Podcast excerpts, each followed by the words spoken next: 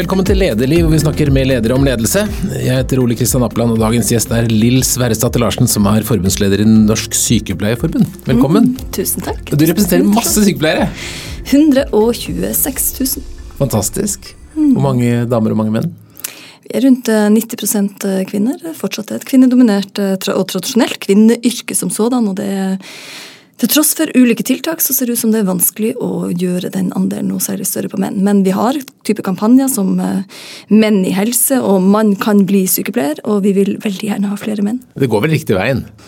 Det går riktig vei. Vi har flere søkere. Eh, men så er det også sånn at det er også flere menn som dropper ut av skoleutdanninga på sykepleieryrket, og også flere menn som altså høyere frafall når du er ferdig utdannet. Og hvordan har sykepleierne det i Norge akkurat nå? Det er jo vanskelig å si at De har det kanskje ikke helt likt, men sånn i det store og det hele. Ja, vi har klappet for dem da, under pandemien, det har vi ikke glemt. Det blir en sånn tulleting, det der med den applausen. og det er klart at uh, På ene sida så var sykepleiere og er glad for den anerkjennelsen man får fra befolkninga. Ikke bare på applaus, men også på um, de befolkningsundersøkelsene som sier at eh, folk flest, eller vanlige folk, uansett hva du kaller dem for, så er de stort sett enige med at sykepleiere har for høy belastning, og man trenger bedre lønns- og arbeidsvilkår. Um, men derifra til å få det gjort er jo eh, av en eller annen merkelig grunn et eh, stort, stort sprang.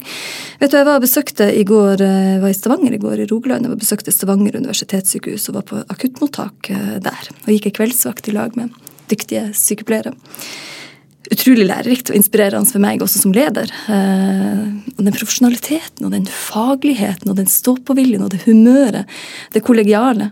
Jeg tenker Det er jo det som gjør at de står i yrket. Og samtidig så beskriver de jo ganske steinharde år. Eh, ikke bare de to siste årene, men de to siste årene har jo vært ekstreme. Som også gjør at de vurderer om de klarer å bli ståværende i, i yrket sitt. Og det, når, du, når du ser de her folkene igjen, det profesjonelle folk, alle, de er så drilla, de vet hva de skal gjøre. Det kommer inn traume, det kommer inn sepsis, de redder liv. Der og da, på den kveldsvakta. Og så Samtidig så sier de at de vet ikke om de klarer å stå i det her så veldig mye lenger. Men de elsker yrket sitt, trives, stortrives kollegialt, men de sliter med å klare å holde ut. Hva er det som får dem til å holde ut?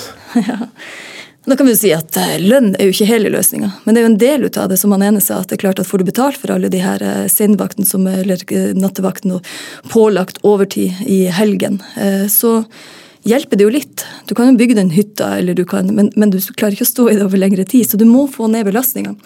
Høyere lønn vil sannsynligvis sørge for at vi klarer å beholde flere, at færre slutter. Ergo så får du eh, altså At belastninga ikke blir så høy hvis du har flere folk med riktig kompetanse å fordele det på. Så vi må ha eh, politikere og arbeidsgivere, og dermed toppledere, som ser behovet for å sikre de offentlige helsetjenestene. Mm. Nå er det jo lønnsoppgjør et sånn hovedtariffoppgjør, man kan forhandle på alt. Mm. Hva er det som er viktig for dere? Lønns, det sier du jo, men er det andre ting? Det er andre ting. Eh, men det er klart at det er Det blir liksom basale behov, egentlig. Så når du mangler de basale behovene som lønna mm. er, i så måte, og det er så stort problem, så er det det tariffkonferansene våre. Vi har tariffkonferanser som vi samler medlemmer fra hele landet og fra ulike sektorer til å gi innspill til oss, da, som, til meg som leder, på hva skal vi forhandle på. Og da kommer det alltid opp øh, lønn.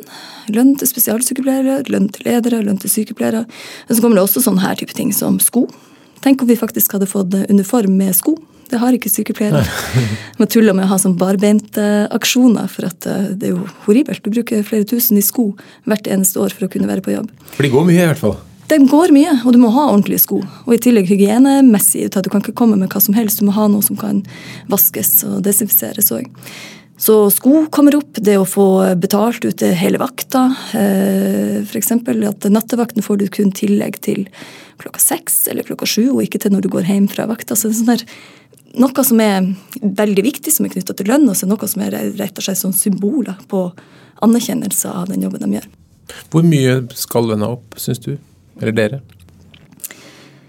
Vi har et mål innen 2023 om 650 000 til spesialsykepleierne. Hvor mye er den på i dag? 580. Ja, det er mye. Det blir mange penger med så mange mennesker? Det gjør det. Det er likevel eh, mulig å nå. Eh, og jeg tenker at det er, ikke, det er jo ikke et mål for sykepleieren i seg sjøl. De er jo flinke folk som finner seg andre jobber. I legemiddelindustri, i uh, medisinsk teknisk utstyr, i forsikring og tog, for den saks skyld. Mm. Altså, de har mange forskjellige yrker. og Det ser vi jo sånn som intensivsykepleiere nå som har slutta både før og under pandemien, finner seg jobb andre plasser.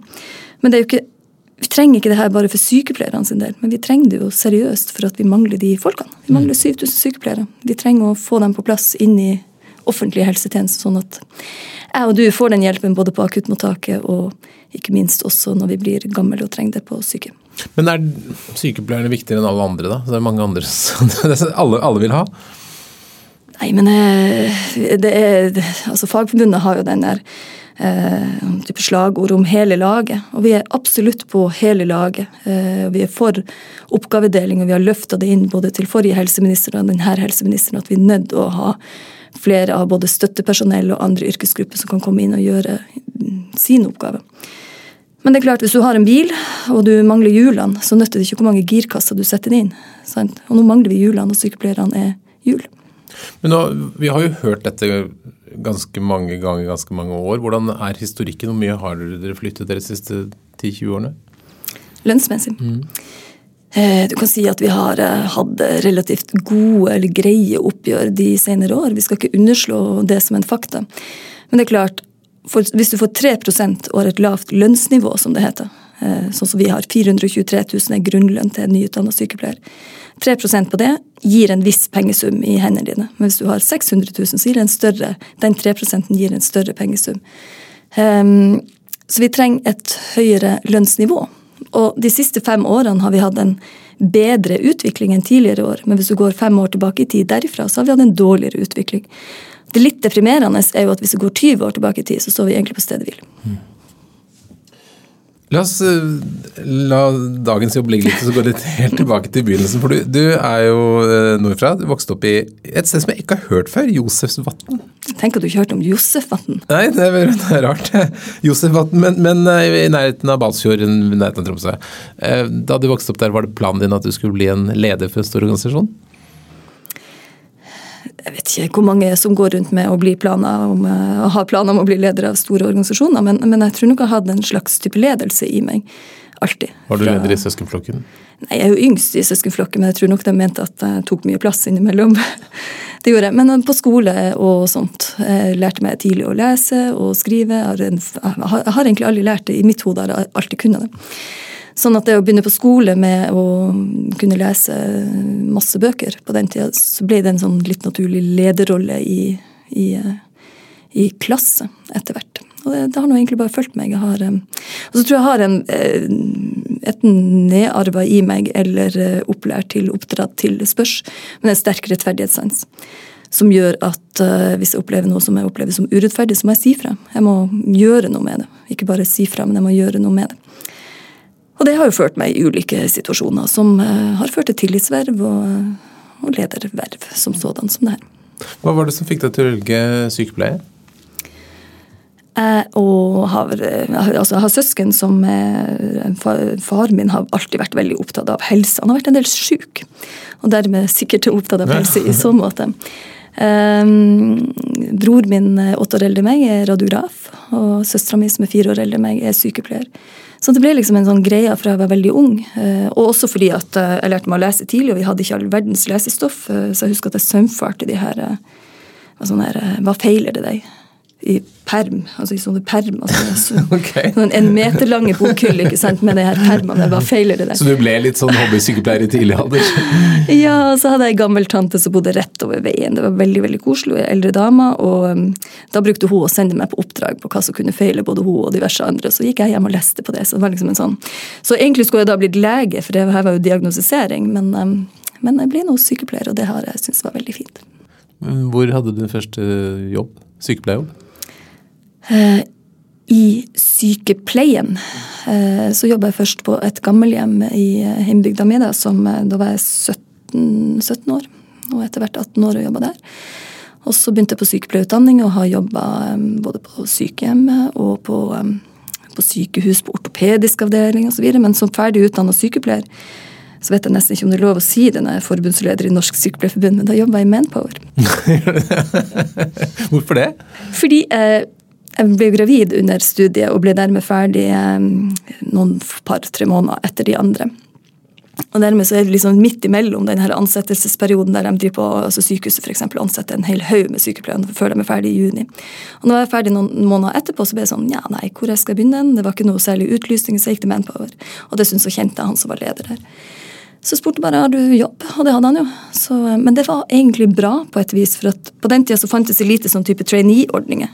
Så jeg fikk jobbe på litt forskjellige avdelinger som vikar, eh, og fikk lært meg en bredde av sykepleie i løpet av det første, halve, første året, egentlig. Og så har jeg jobba på hjerte-lunge-kar-kirurgisk avdeling på intermediæravdeling der på UNN, og stortrives. Ja. Mm. Og så har du utdannet deg videre med master i helsefag og doktorgraden i helsevitenskap. Hva var det som drev deg til det? Nok noe Jeg tror nok jeg har noen akademiske ambisjoner, for så vidt. Alltid har hatt. Eh, glad i å lese, glad i å mm. skrive, glad i å prøve å finne ut. Nysgjerrig. Um, så tenkte jeg at jeg skulle bli intensivsykepleier eller jordmor. Men så hadde vi, på den tida hadde vi fire barn hjemme boende hos oss, og turnus var fryktelig vanskelig å få til. Så tenkte jeg måtte ta noe som var en teoretisk utdanning, og se hvordan, eh, hvordan det bar hen. Og så er det jo som det alltid er, det er noen som er mentoring eh, altså, til deg, som er mentor, om du vet om at du har en mentor eller ikke, som huker tak i deg. Og da var det en som jobba på Universitetet i Tromsø, spør men Lill, har du tenkt på å ta en akademisk utdanning? Og det hadde jeg egentlig ikke tenkt på. Men det gjorde jeg. og eh, tok da, fikk, eh, fikk, tilbud om et stipendiat som jeg søkte på etter hvert, og gikk videre da med den doktorgraden. Innenfor en tematikk som da var knytta til organisering av helsetjenesten. Ikke så, jeg har nok sånn sett i mange områder bevega meg bort fra det kliniske, mm. men til organisering av helsetjenestene. Og det er jo det jeg driver på med i dag òg. Altså, hvordan bygger vi helsetjenester som er, som er bra for pasient og for ansatte, og ikke minst for oss som samfunn og befolkninga i et samfunn. Da må du se på organisering av helsetjenestene. Og hvordan kom du inn i forbundet? Ja, det er vel eh, Vet du, Først var jeg ikke medlem engang i Sykepleierforbundet. du har fint, det er et bra grunnlag, du. ja. Nei, jeg var ikke medlem. Jeg var utdanna i 2002 og ble eh, etter hvert som sagt i Manpower og, og ansatt på en avdeling der det ikke var så mange som var mm. medlem i Sykepleierforbundet. Men så begynte mm, jeg hadde en avdelingssykepleier som til slutt sa at men Lill, du blander deg opp i mangt og meget uansett. Kan ikke du like så godt være tillitsvalgt? Vi har ikke tillitsvalgt. Så sier jeg men jeg er ikke medlem.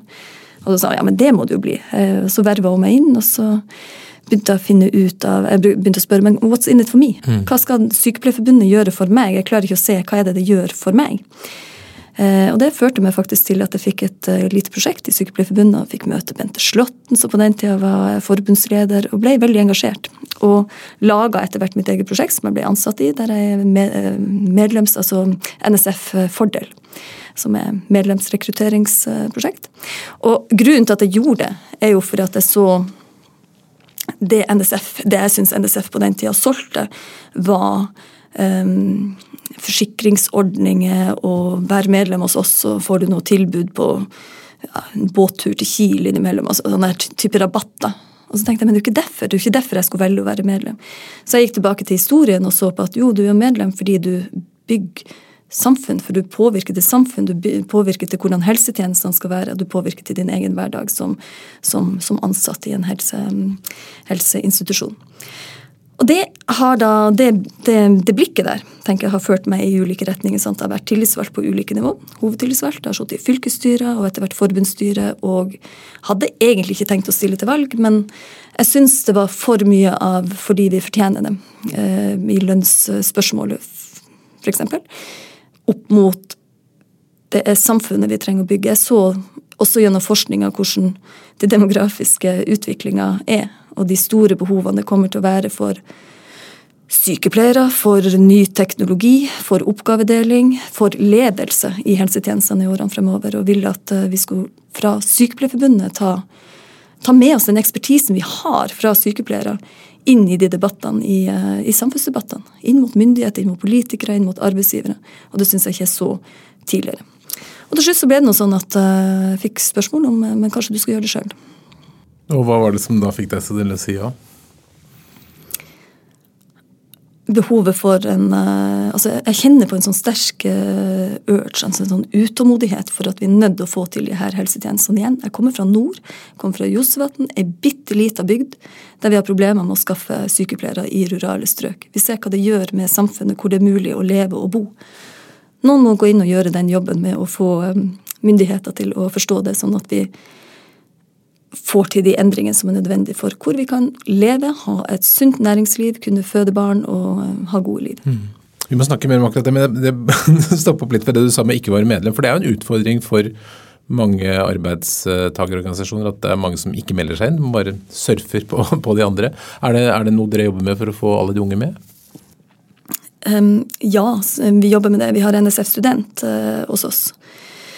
Edel Taraldsen, som er en eh, veldig dyktig studentleder eh, i år. Vi har nyvalg her nå snart. Men de, de har òg vervekampanjer som mm. er hver eneste høst. Og Vervekampanjene er jo selvfølgelig for å få dem til å bli medlem, men mest av alt for å få dem til å bli engasjert. Engasjert eh, politisk gjennom en sykepleierorganisasjon. Um, så det gjør vi jo. Um, ellers så prøver vi Jeg tror nok vi i større grad også fremover skal nå de her unge segmentene. Det er noe med at eh, du ser medieutviklinga også endre seg. De leser ikke like mye nyheter, de hører ikke på podkast eh, NRK eller eh, Debatten nødvendigvis Dagsnytt 18. Jeg tror ikke du blir å se meg på TikTok, men, men, klart vi jobber for å få det. Men samtidig så er det sånn at fordi vi er en sterk profesjonsorganisasjon, og det er vi jo Vi organiserer kun sykepleiere. Og vi har over 90% dekningsgrad, altså over 90% av sykepleierne er hos oss. Så det må jo være blant de bedre organisasjonene? Absolutt. Jeg tror, jeg tror ikke det finnes så veldig. Jeg lurer på om vi er best. Vi og Legeforeninga som igjen. Det er noe med å være sterke profesjonsorganisasjoner. Det er ikke bare lønns- og interessepolitikken vi kjører på. det ikke sant? Vi har 35 fag, faggrupper.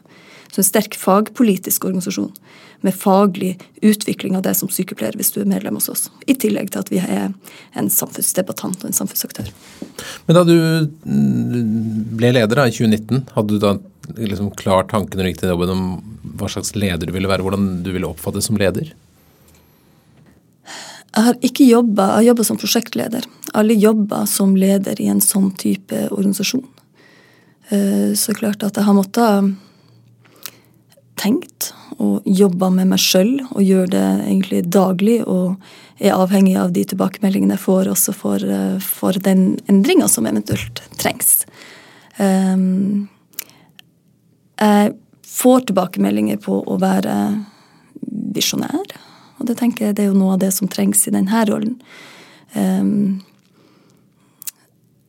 og på å være relasjonell.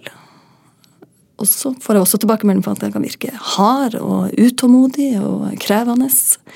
Og så er det noe med Jeg hadde hadde, hadde ikke klart Eh, men det er klart, jeg hadde visjonene klare. Hadde ideene klare. Jeg visste retninga og har jobba i lag med styret på å lage gode strategier. Og så er det den ledelsen for å få eh, de ansatte. Vi har eh, noen 220 ansatte med oss på det.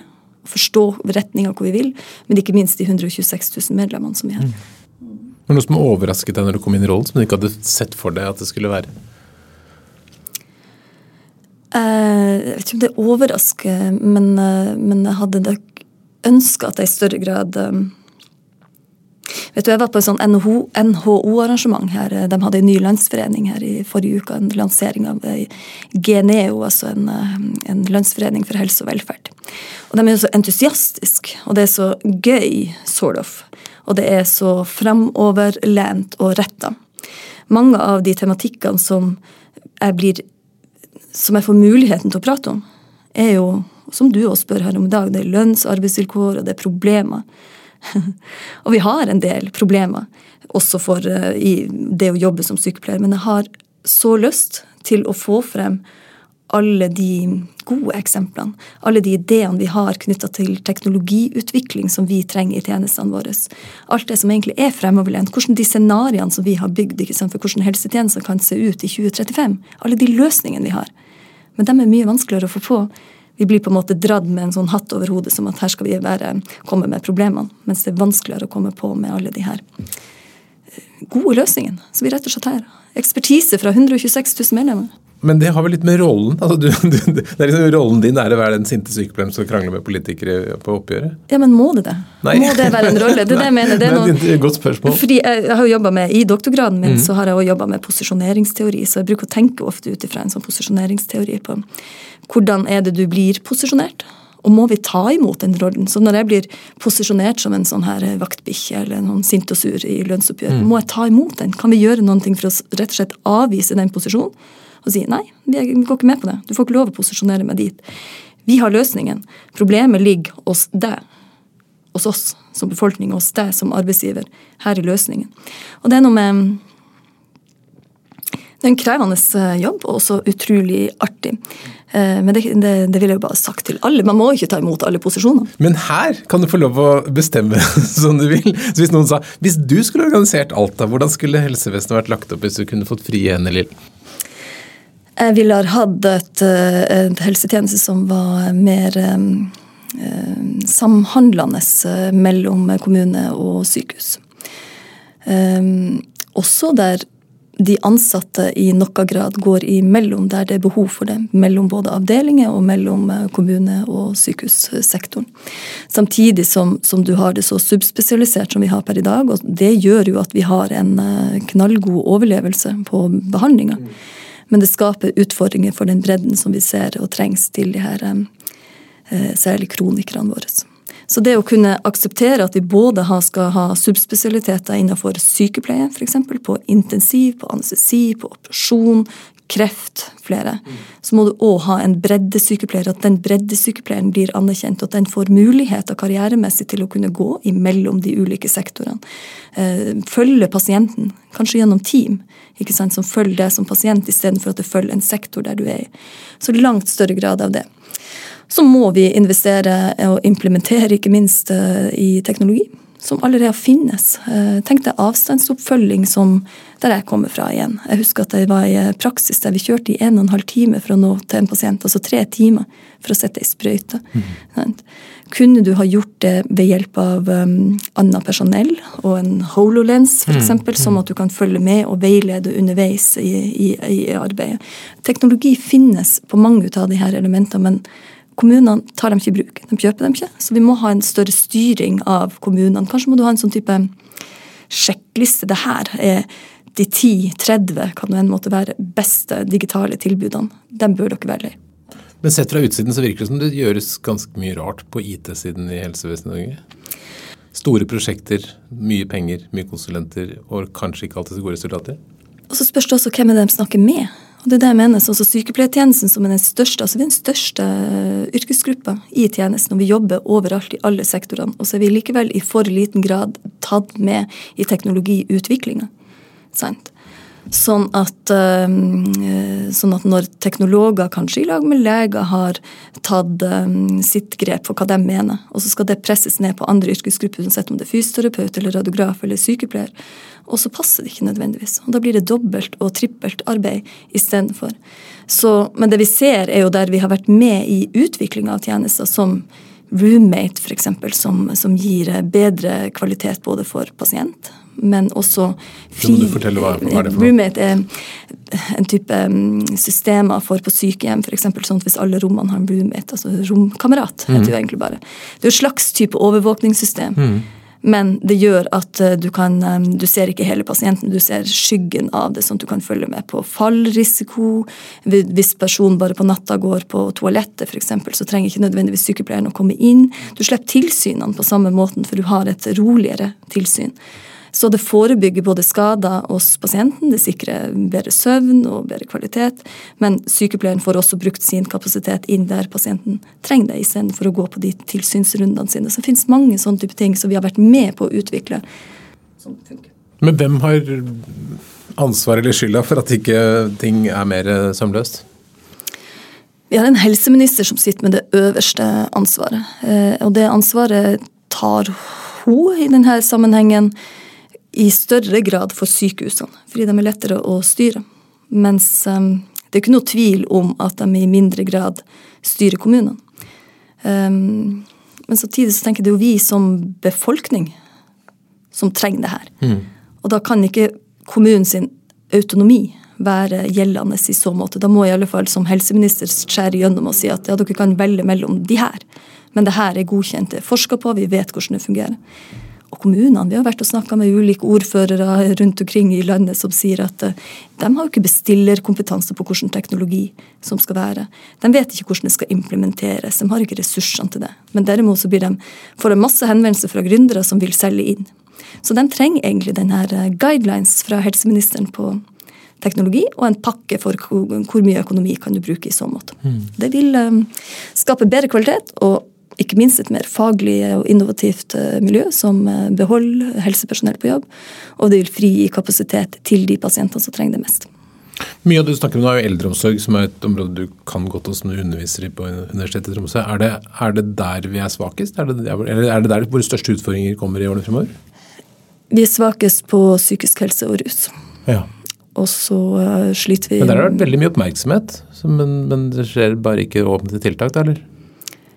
Nei, og da er det jo verdt å stille seg hva er det som gjør at, de, at vi er svakest eh, der. Mm. Er det, vi er sterkest på akuttbehandling til sykdommer som rammer menn eh, på din alder, eh, stort sett. Du er heldig der. Mm. Og så er vi svakest på de sykdommene som rammer og behandling og pleie og omsorg som rammer kronikerne, og der du faktisk ikke har noe behandling. Du, det du har igjen, er pleie og omsorg. Og Da er det også en verdidebatt om hva er det vi ønsker å få til i helsetjenesten. Vil vi redde liv inntil en eller annen uke mens du er foster? Er det viktigst for oss? Er det det å klare å ha livsbevarende ut til du er 150? Er det viktigst for oss? Eller er det en verdi faktisk å bidra til en, eh, en verdig avslutning på, på livet ditt? Eller ikke minst det at du har barn og unge som får psykisk uhelse, som da hvis du ikke gjør noe, hvis du ikke setter inn de forebyggende tiltak der, så har du pasienter for resten av de tid. Og ikke bare den pasienten og det individet, men du har pårørende som står i en veldig vanskelig situasjon, og samfunnsøkonomisk selvfølgelig i så måte. Så det er en sånn verdidebatt der det av en eller annen grunn fortsatt er gjeldende at du får mest ressurser til hjerte, lunge, det akutte, det du kan behandle. og så klarer vi ikke å se at klarer vi å gjøre noen grep på de her pasientene, så vil vi også spare penger på det på sikt. Og Hvilken rolle tenker du dere kan ha i å forandre på dette? Vi beskriver jo de utfordringene de står i, eh, og det må vi. Eh, det er faktisk også vår jobb. Det, som sykepleier har vi en plikt til å varsle når det er eh, ikke forsvarlig eller ikke omsorgsfull hjelp. Og det gjør vi som Sykepleierforbund òg. Og så er det da å komme med de løsningsforslagene. Og da er det jo ikke minst når vi mangler alle de her sykepleierne. Vi mangler, vi mangler 2000 helsefagarbeidere i tillegg til de 7000 sykepleierne. Vi får det ikke til med oppgavedeling i seg sjøl. Så da må vi gjøre en verdivurdering òg. Så det å snakke om verdiene i helsetjenesten har òg betydning. Hvor skal du, skal du f.eks. legge til private helsetjenester som skal få lov til å um, trekke operasjonssykepleiere og intensivsykepleiere og andre fra offentlige for å drive på med alt fra fillers til diverse kjønnsoperasjoner. Mm. Men altså, men, skjønnhetsoperasjoner. Sikkert noen kjønnsoperasjoner innimellom òg, men skjønnhetsoperasjoner. Mm. Eller eh, skal man styre det i noen grad, sånn at vi får ressursene inn i det offentlige? Det er, våres, eh, det er Norges gull. Men dette er jo noe som mange av de utfordringene beskriver, preger jo hele vestlig verden. Er vi annerledes i Norge enn Sverige, Danmark og andre land som vi sammenligner oss med? Annerledes på hvordan måte? På måten å organisere oss på. Er det, er det noen andre som løser dette bedre enn oss? Eh, ikke ut ifra kvalitet. Så det, det, er det jeg mener med en verdidebatt. Hvis du skal um, ta ned antall sykepleiere f.eks. på intensiven, eller som i Sverige så har de i veldig liten grad sykepleiere på, i kommunene men de har en annen geografi mm. og demografi i mm. så måte òg. Men hvis man skulle gjøre det annerledes, må vi òg vurdere eh, kvaliteten. Det som er i går igjen, da når jeg var på det akuttmottaket, og så kommer det inn et traume, og de står, jeg telte 15 personer som står og håndterer denne pasienten som er alvorlig skada. 15 personer. Så tenker jeg at hadde dette vært Mats Gilbert i Gaza, så hadde du ikke hatt de 15 personene. Og han ville klart å håndtere det i lag med teamet sitt på kanskje tre eller fem men kvaliteten ville jo vært deretter.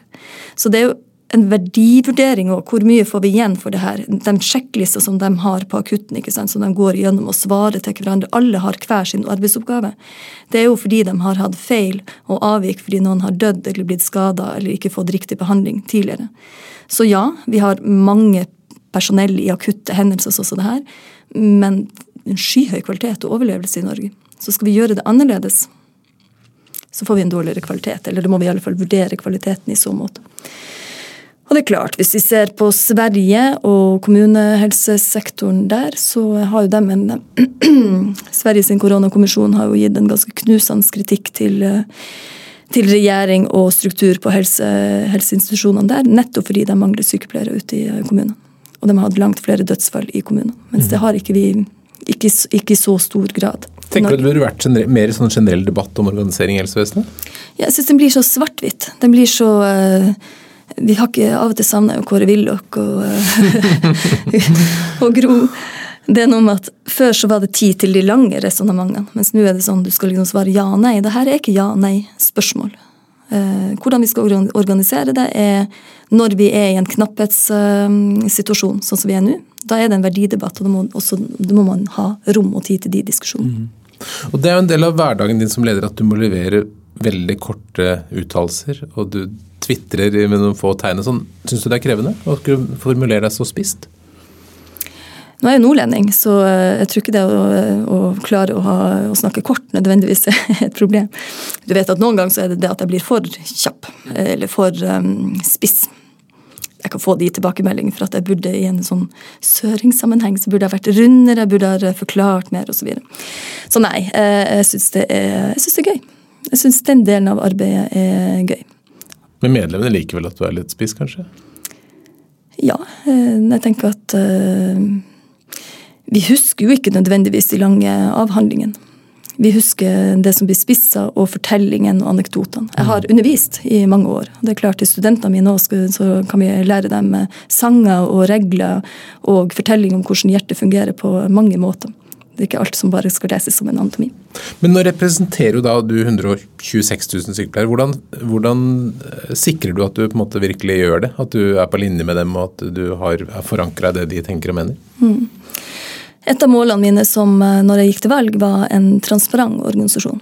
Så det å nå ut til medlemmene våre på ulike måter. Jeg har eh, oppretta den Twitter-kontoen, den Instagram som vi har som forbundsledelsen, og jeg har mine egne på Facebook blant annet. Og en tilgang til meg som mange medlemmer bruker til å fortelle sine historier når de sitter på buss eller tog, eller et eller annet, så vil de bare at jeg skal vite det her.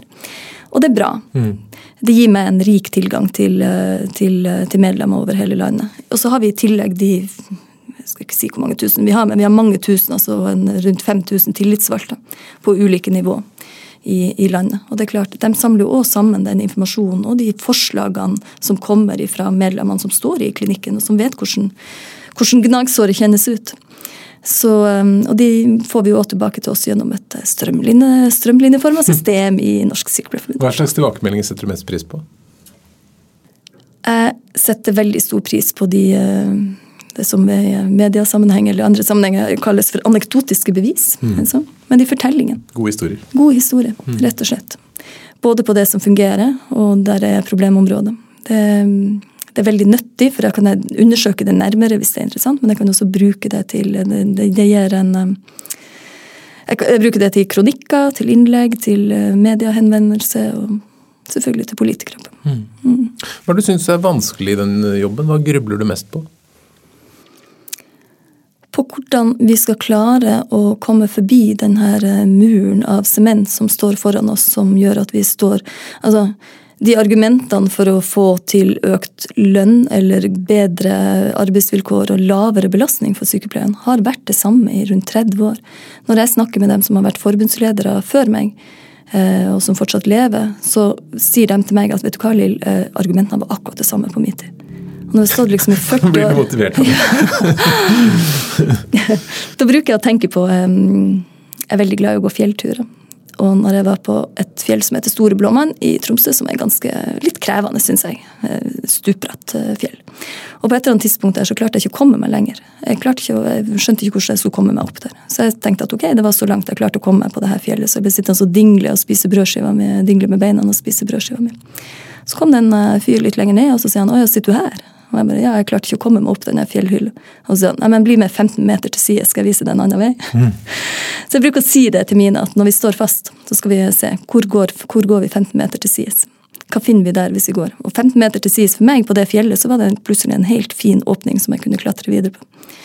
Så det er det mest krevende, men også det som motiverer meg mest til å finne denne um, retninga til sides. Vi må få det til. Uh, vi må få til uh, at vi fortsatt i fremtida har um, felles offentlige helsetjenester av en god kvalitet. Men det er ikke noe utfordring at alle er jo helt enig i dette? Ja, klart sykepleierne er kjempeviktig og setter stor pris på det, liksom, men så skjer det liksom ikke noe? Det flytter seg ikke til bevilgninger? Mm. Men samtidig så er det sånn at det begynner å bli så dramatisk ikke sant, når du ikke får tak i sykepleiere til sommeren her, eh, når Du er til å eh, du får ikke tak i dem. Du er til å stenge helt splitter nye sykehjem som befolkninga har behov for. Men du er til å stenge det, for du har ikke folk. Så må det jo skje noe på et eller annet tidspunkt. Så jeg tenker min jobb eh, og vår jobb som sykepleiere er faktisk å være det sånn fra gammelt da, så heter det i sykepleierteorien å være pasienten sin advokat. Mm. Vi står nærmest pasienten i lag med pasienten og ser utfordringene og problemene de har, og det er vår jobb å beskrive hva som trengs. Vi trenger eh, de folkene på jobb, vi trenger oppgavedeling, vi trenger teknologi, vi trenger en finansiering som holder mål. Og så trenger vi en verdidebatt om hva er det vi skal ha i Norge. Og så trenger vi forferdelig mange unge som velger det yrket. Det er noen tall som jeg har hørt, sånn, det er én av fire unge. Eller, det er veldig ja, høyt tall. Ja. Det får vi ikke til. Nei. Ja, vi gjør ikke det. Det er jo en kjensgjerning. Vi får det ikke til, og vi må ha folk til andre yrker i eh, Norge òg. Men det er klart at kan vi flytte noen over til helsetjeneste hvis vi begynner å se på det som reell verdiskapning? Som en investering. Mm. Altså Når vi til og med har NHO-sjef Ole Erik Almli som sier at uh, å investere i altså, altså helse er en investering. Sant? Og at vi driver på med verdiskapning også i vår sektor. Så tenker jeg da begynner vi å rokke med noe som kan gjøre det attraktivt etter hvert for eh, unge å velge det yrket. Mm. Men blir du litt motløs noen ganger? Ja, det gjør jeg. Eh, er lov å si når det begynner å nærme seg sånn, eh, sånn, litt sånn premenstruell, da kan jeg bli litt motløs. Mm. det bruker å gå over. Eller når jeg sover dårlig. Ja. Det bruker å gå over. Hva er det du går til for å hente motivasjon? Fjellturer. Mm. Eh, hører på musikk, eh, trener. Og så er det denne motivasjonen som jeg får ifra de meldingene fra, fra eh, medlemmer hos oss. Ikke bare medlemmer hos oss, men fra helsepersonell. Jeg får fra helsefagarbeidere og diverse andre leger faktisk også om at vi gjør en bra jobb, og at det her bør jeg også vite. Mm. Det motiverer meg. Eh, det motiverer meg å se at vi begynner å rokke med noen ting, at det diskuteres frontfagsmodellen, at det diskuteres litt om hva, hvordan skal oppgavedeling eh, foregå. Og det motiverer meg også de pasientene og pårørende som også tar kontakt innimellom og beskriver både behov og at de eh, er helt enige med oss. Mm. Nå har du hatt den lederjobben noen år da, og begynner å bli liksom litt erfaren. Har du forandret deg mye underveis? Vet du, Jeg spurte, spurte, faktisk noen her om dagen om, om jeg hadde endra meg. For jeg vet ikke om han klarer helt å se det sjøl. Jeg håper ikke det. Eh, og den personen var jo selvfølgelig hyggelig, så han sa nei, nei, nei, det har du ikke. var det hyggelig? man skulle utvikle seg litt? jo, men det handler mer om blir, blir, man, blir jeg mindre tilgjengelig? Blir jeg arrogant? Blir jeg eh, mer bestemt uten å se folkene rundt meg? Um, og det tror jeg nok at jeg kanskje i større grad har blitt. At jeg blir enda mer bestemt innimellom. Mm. Som på, å vite noen ting om hva er det jeg skal bestemme, hva er det som er min rolle i så måte, og hva er det som jeg eh, trenger å innhente, innhente flere syns, synspunkt på. Ja. Men har du lært noe som, har du noen teknikker eller noe som har utviklet deg som leder? Føler du at du er en bedre leder nå enn du var da du begynte? Ja. Uh, Iallfall um, Jeg har nok alltid vært en tydelig uh, leder. Og så er det noe med Noen ganger så ble jeg overraska i starten da over at uh, det jeg sa, kunne bli oppfatta som omtrent en sånn lov. Så tenkte jeg at nei, jeg mente jo ikke som en lov, jeg mente det jo som et innspill. Det var sånn, nesten ingen som sa noen ting. Og så tenker jeg at det er litt med den tydeligheten som jeg har, litt med den, som jeg sier, den sånn nordnorske direktheten som ligger i det. Og at jeg tydeligvis også kan se litt sånn sint ut, og særlig hvis jeg er mm. konsentrert. Så det at jeg kan bli en annen venninne av meg som sa at ja, du har jo lært deg å smile, i alle fall.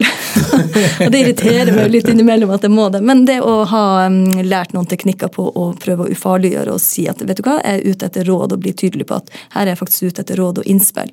Men jeg må sjøl også kunne komme med råd og innspill uten at det stopper en diskusjon. Så um, den er i alle fall enig. Jeg tror det er mange ledere som brenner seg på det. At man slenger ut når man tenker, liksom, og så ser man ok, da er det bestemt. ja, Plutselig så var det bestemt. Ingen andre innspill kom. Er det en ensom jobb noen ganger? Ja, og. Ehm, jeg har med meg eh, veldig dyktige folk, eh, også i forbundsledelsen og med generalsekretær og toppledergrupper som vi har. Og så oppfatter jeg en svær både heiagjeng, inspiratorer og eh, folk som lærer med noen ting fra den medlemsgruppa. Men samtidig så er det jo sånn at det er klart etter krevende lønnsoppgjør, og når jeg går hjem eh, alene deretter eh, og ikke fått til det som selvfølgelig ligger både som forventning og som vi skulle ønske var mulig, så det er jeg som får, eh, jeg får kjeft nå, jeg. Så det å eh, og da kan det oppleves ensomt. Og det er også ensomt og det å måtte ta noen krevende beslutninger. Til syvende og sist er det mine beslutninger. Og det er et stort ansvar i alle fall å kjenne på, på vegne av de 126 000, men på vegne også av Er det her? Er det riktig? Og det er ikke alltid det er svart-hvitt. Og da må du ha en, en noen analytiske egenskaper og en viss grad av intuisjon som gjør at du jeg tenker at men det er denne retninga vi velger likevel. Og da er det mitt ansvar. Da mm. står jeg med det, og det er ensomt likevel. Hva er du mest fornøyd med det du har fått til? En um, en organisasjon som har gått fra å snakke om fordi vi fortjener det, til å ha faget i front. Til å i eh, Ikke bare fra oss som holder til her i Oslo og ansatte, men til tillitsvalgte og medlemmer som i større grad er aktiv som samfunnsdebattant og beskriver ut ifra et sykepleierfaglig perspektiv. Ikke fordi jeg syns det, eller fordi at jeg bare har tenkt etter henne, men beskriver det ut ifra et faglig perspektiv, med argumenter som er faglige. Og da, det er jeg veldig fornøyd med. Vi har fått flere samfunnsdebattanter i så måte. Mm. Hvis det kommer en ung person til deg og vil bli leder, mm. neste leder kanskje i Sykepleierforbundet Hva er de tre viktigste lederrådene vi vil gi? Det har jeg ikke tenkt på. Så det, jeg liker jo ikke å ta sånn on top of my head. Så jeg har jo akkurat fortalt at jeg var kjapp og spiss Eh, finn, finn, ut hvem du har som mentorer. Eh, for ofte så har du mentorer uten å vite om det. Altså Noen som kan inspirere deg, som kan veilede deg, som du kan stole på, som, som sier ifra når ting er du kanskje bør endre deg eller gjøre noe annet. Så finn ut hvem du har som mentorer, og eh, bruk, bruk dem. La deg, la deg bli veiledet. Mm. Det å tørre og kanskje særlig eh, noe, som jeg sier, vi er mange kvinner i vår organisasjon. Og mange av de som jeg tenker flinke ledertalenter som sier nei, vet du hva jeg har Nei, det tror jeg ikke, det er sikkert noen andre som Altså det å tørre. Noen ganger må du tørre å si at ja, vet du hva, det her kan jeg. Og det her vet jeg, og det her tenker jeg at jeg får til. Og det tredje må være å la deg inspirere av eh, mange andre felt. At du ikke går inn i en sånn ekkokammer. Eh, det å søke deg til eh, Jeg bruker å gå fjellturer, f.eks. med folk som kanskje mener helt stikk motsatt av meg. Det å søke seg til miljøer innimellom som tenker annerledes, og la deg inspirere også av det. Gode tanker. Lill Sverrestad Larsen, tusen takk for at du kom til Lederliv. Tusen takk. Lederliv er en podkast fra kommunikasjonsbyrået Apeland. Vi legger ut nye episoder hver eneste fredag. Redaksjonen består av Ingrid Hogneland, Lars Bolden, Lars Jarli Melum og meg, som heter Ole Kristian Apeland. Tusen takk for hyggelige tilbakemeldinger og tips om ledere. Bare fortsett å sende til oleetapeland.no.